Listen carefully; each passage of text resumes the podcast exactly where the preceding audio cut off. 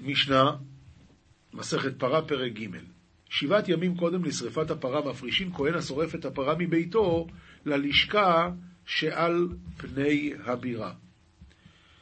מה זה הלשכה הזאת? בצד מזרחי-צפוני של בית המקדש היה מקום פנוי וזה נקרא בירה, ושם היו שמים אותו. המקום הזה נקרא צפון המזרחה, ובית אבן הייתה נקראת. למה בית אבן? כי הרי את כל עבודות הפרה האדומה היו עושים עם כלי אבנים וכלי גללים שלא יכולים לקבל טומאה, היו עושים לזה מעלות מיוחדות של טהרה. הוא מזין עליו כל שבעת הימים מכל חטאות שהיו שם. מה זה מכל חטאות? מכל הפרות שעשו עד עכשיו, היו מזים על הכהן הגדול כל שבעת הימים. יש מחלוקת, האם צריך כל השבעת הימים, אבל רבי יוסי אומר לא היו מזים עליו, אלא בשלישי ובשביעי בלבד. אה, רבי חנינא סגן הכהנים אומר, על כהן השורף את הפרה, מזין עליו כל שבעת הימים, ועל של יום הכיפורים, כלומר כהן גדול שפורש מביתו שבעת ימים קודם יום הכיפורים, לא היו מזים עליו אלא בשלישי ובשביעי בלבד. משנה ב' היו עושים מעלות עצומות לעניין של הטהרה, חומרות גדולות בעניין של הטהרה בעשיית הפרה האדומה. חצרות היו בירושלים בנויות על גבי הסלע, שלא יכול להיות שם קבר, ותחתיהם חלול. אולי בכל זאת משהו, אז גם היו עושים, מן, היו עושים חור מתחת, פותח טפח, כדי שאם יש טומאה מתחת, זה ייעצר בטפח הזה. מפני קבר התהום. ומביאים נשים עוברות ויולדות שם, ומגדלות שם את בניהם, שוודאי ודאי לא נטמעו משום דבר. ומביאים, כשכבר גדלו הילדים האלה, ועכשיו רוצים לעשות פרה אדומה, אז מביאים שברים ועל גביהם דלתות. למה שברים ועל גביהם דלתות? כדי שהילדים לא יוציאו יד או רגל מחוץ לשור הזה. ותינוקות יושבים על גביהם, וכוסות של אבן בידם כדי לשאוב מים. הגיעו לשילוח, ירדו ומילאו, ועלו וישבו על גביהם. בא רבי יוסי ואומר, לא, ממקומו היה משלשל וממלא, משלשל את הכוס לתוך המעיין הגיחון ומעלה אותה חזרה, שלא יהיה, שלא חס וחלילה ידרוך, ואין הלכה כרבי יויסי, העניין הוא שלא חוששים לקבר התהום בנהר. משנה ג' באו להר הבית וירדו. מה הם ירדו? ירדו מה, מהשברים האלה. עכשיו, הר הבית והעזרות תחתיהם חלול מפני קבר התהום. שוב, אם יש קבר, אז יש פותח טפח וזה לא עובר הלאה ולא אה, לא טומאה רצוצה שעולה ובוקעת עד השמיים. ובפתח העזרה היה מתוקן כלל של חטאת. מה זה כלל של חטאת? אומר הרב, כלי שמונח בו אפר חטאת מכל פרה שהיו שורפים, אה, כדכתיב, הייתה לעדת בני ישראל למשמרת. אז מביאים זכר של רכילים וקושרים חבל בין קרניו, זכר של רכילים הכוונה איל, וקושרים חבל בין קרניו, וקושרים מקל ומסבך בראשו של חבל, וזורקו לתוך החלל, לתוך הכלל, ומכה את הזכר ונרתע לאחוריו, ואז מה קרה? הוא הוציא אפר פרה, ואז נוטל ומקדש כדי שיראה על פני המים. למה לא הוציאו מהאפר ביד? למה היה צריך לעשות את זה עם כזה מין פטנט? התשובה היא, התשובה היא שאם אה, אם הוא יוציא עם היד, יכול להיות שהוא טמא, זה שהוציא עם היד. הרב אומר ככה, ואין צריך להוציא ידו לחוץ, ובתוספת המשמע שלא צריכו לעשות כן אלא כשעלו מן הגולה, שהיו כולם טמאים ואין יכולים ליגע. שאם היו נוגעים באפר הפרה, היו מטמאים אותו. אבל באמת, בתהליך הנורמלי, מה שקראנו עד עכשיו, באמת לא היו צריכים, יכולים להוציא את זה עם היד. רק אלה שעלו מן הגולה, הם לא יכלו לעשות את זה בצורה רגילה, אלא רק כך. רבי יוסי אומר, אל תיתנו מקום לצדוקים לרדות, אלא הוא נוטל ומקדש. מה זאת אומרת? שהצדוקים לא יעשו צחוק, אה, זה יותר מדי מסובך. הוא נוטל ומקדש, זה הכהן. עכשיו, משנה ד' לא היו עושים לא חטאת על גבי חטאת. מה פירוש חטאת על גבי חטאת? תארו לעצמכם שעשו את כל התהליך הזה כדי לשחוט פרה אדומה. בסוף היא מתה. אז אמרו, טוב, אין דבר, יש אחרת. לא, לא, לא. צריך מההתחלה הכל. ולא תינוק על גבי חברו. אומר הרב, שאם היו שני תינוקות, אחד נשמר לפרת חטאת, ואחד נשמר סתם, אגב, זה התינוק, אבל לא לצורך פרת חטאת, לא יכולים להשתמש בתינוק הזה. רק שימור מיוחד מיוחד לשם פרת חטאת. וצריכים היו התינוקות להזות, דברי רבי יוסי הגלילי. למה? אולי בכל זאת הגיע שם עורב וזרק עליהם חתיכת טומאה. רבי עקיבא אומר, לא היו צריכים להזות, והלכה כרבי עקיבא. לא מצאו משבע. אמרנו מקודם שהכהן הזה שהולך לעשות את, הזה, את הפרה, מזים עליו מכל שבעת הימים, מכל חטאות שהיו שם. ואם לא היה את כל החטאות, היה רק חלק, את כל הפרות אדומות שהיו עד עכשיו. לא מצאו משבע, עושים משש, מחמש, מארבע, משלוש, משתיים, מאחת. עכשיו המשנה מספרת לנו מי עשה את כל הפרות האדומות האלה ומי עשאם. הראשונה עשה משה, והשנייה עשה עזרא. וחמש מעזרא ואילך דברי רבי מאיר. וחכמים אומרים, שבע מעזרא ואילך, ומעשאן שמעון הצדיק ויוחנן כהן גדול עשו שתיים שתיים. אלי הועיני בן הקוף וחנמאל המצרי וישמעאל בן פיאבי עשו אחת אחת. היוחנן כהן גדול הזה שמדובר פה, כתוב בתפארת ישראל ידיעה מעניינת מאוד, שהוא היה סבא של החשמונאים. והוא היה זה שנהיה בסוף ימיו צדוקי. והוא היה סבא של החשמונאים. משנה ו' וכבש, וכבש היו עושים מהר הבית להר המשחה, קיפין על גבי קיפין. הרי אנחנו רוצים שיהיה טפח פתוח, נכון? אז איך עושים את זה? נניח שיש לי פה מישור שעליו אני חושש. מה אני עושה? אני עושה קיפין של טפח. מה הבעיה? הרגליים של הקיפין. אם אני עושה, זה נקרא קיפין. זה. אז אם אני עושה את זה ככה, זה עומד לי על השולחן, אבל הבעיה איפה שהרגליים, עדיין זה לוחץ, זאת אומרת, כאן אין פותח טפח. לכן אני צריך לעשות קיפין על גבי קיפין. בצורה כזאת. אז היו עושים מהר הבית להר המשחה, קיפין על גבי קיפין, וכיפה כנגד העוטף, זה נקרא על הרגליים. מפני קבר התהום, שבו כהן השורף את הפרה, ופרה וכל מסעדיה יוצאים להר המשחה.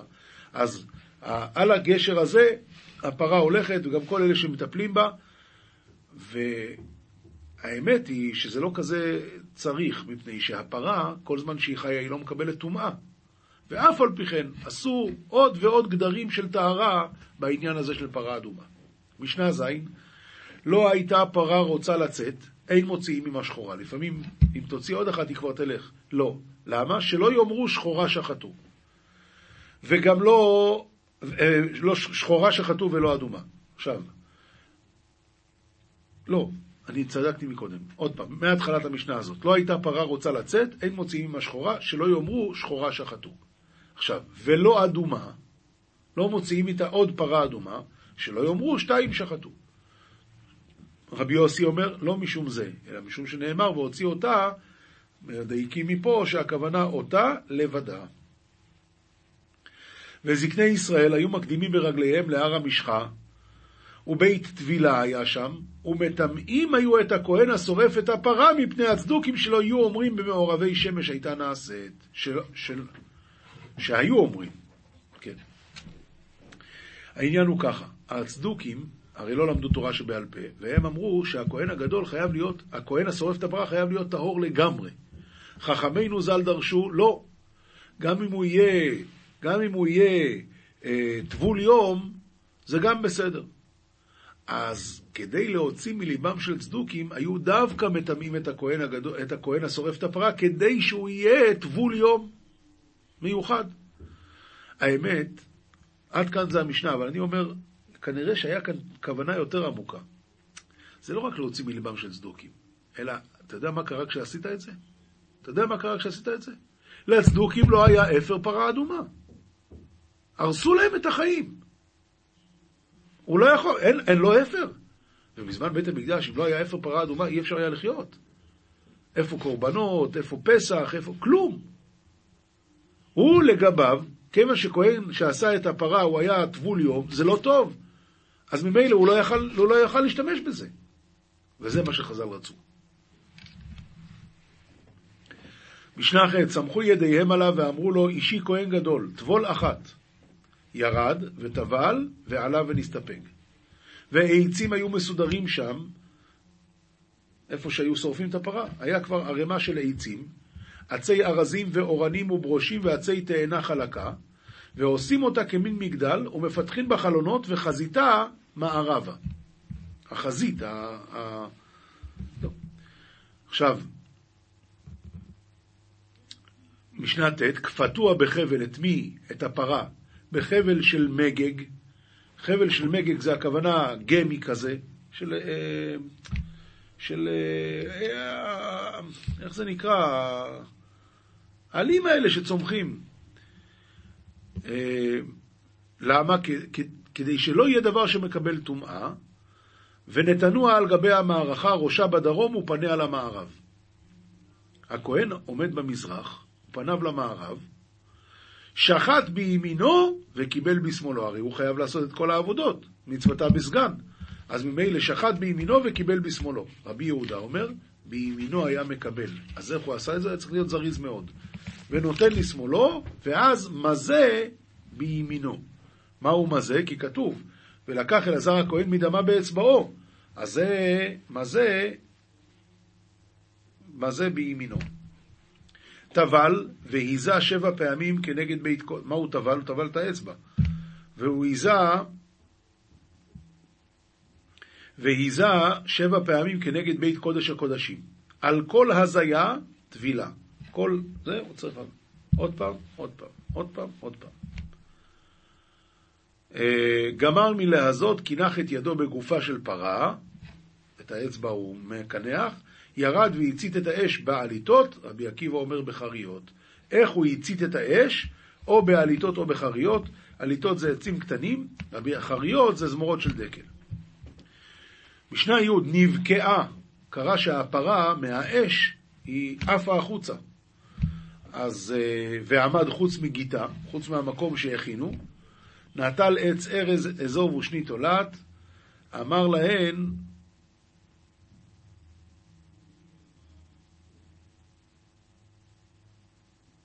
רגע, רגע, רגע, אני טעיתי. נבקעה, הכוונה שהפרה נבקעה, לא שהיא עפה החוצה, אלא היא נבקעה מחמת האור.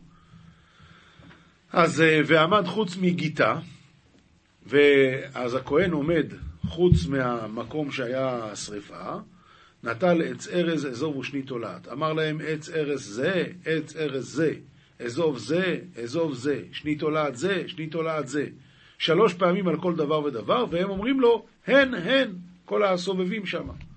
שלוש פעמים על כל דבר ודבר. בשביל מה זה? בשביל מה זה? כדי לפרסם בדיוק איך עושים את המצווה, לא בדבר דומה, אלא בדיוק כמו שהתורה ציוותה. משנה י"א, קרחן בשיירי הלשון, קרחן בשיירי הלשון של הצמר, והשליך לתוך שרפת הפרה, נשרפה, חובטים אותה במקלות וחוברים אותה בקברות, כדי לעשות את ההפר, שלא יהיה משהו בתוכו. רבי ישמעאל אומר, במקבות של אבן ובקברות של אבן הייתה נעשית, כלומר קודם טוחנים ואז עושים את זה אחר כך. עכשיו, שחור שיש בו אפר, קודשים אותו. אם זה היה גיחל כזה, שזה ממש ממש פחם, יש בזה אפר, טוחנים, אז אין בעיה. ואם אין בו, אז מניחים אותו. מה זאת אומרת אין בו? אם אין בו אפר, הכוונה שהוא עדיין לח, ואפילו יכתשו אותו, הוא לא יהפך להיות אפר, אז מניחים אותו. העצם, בין כך ובין כך, היה נכתש, וחולקים אותו לשלושה חלקים, אחד ניתן בחיל, ואחד ניתן בהר המשחה, ואחד היה מתחלק לכל המשמרות. מה זאת אומרת? אחד ניתן בחיל, זה שם בבית המקדש. אחד ניתן בהר המשחה, ממנו הכהנים מקדשים. ואחד היה מתחלק לכל המשמרות, שהם היו לוקחים את זה, הכהנים איתם, לכל ארץ ישראל. איפה שהיה הכהנים, כשבן אדם היה צריך, היה בא, מזים עליו והולך הביתה. לא היה צריך לעזות דווקא בירושלים, בכל הארץ.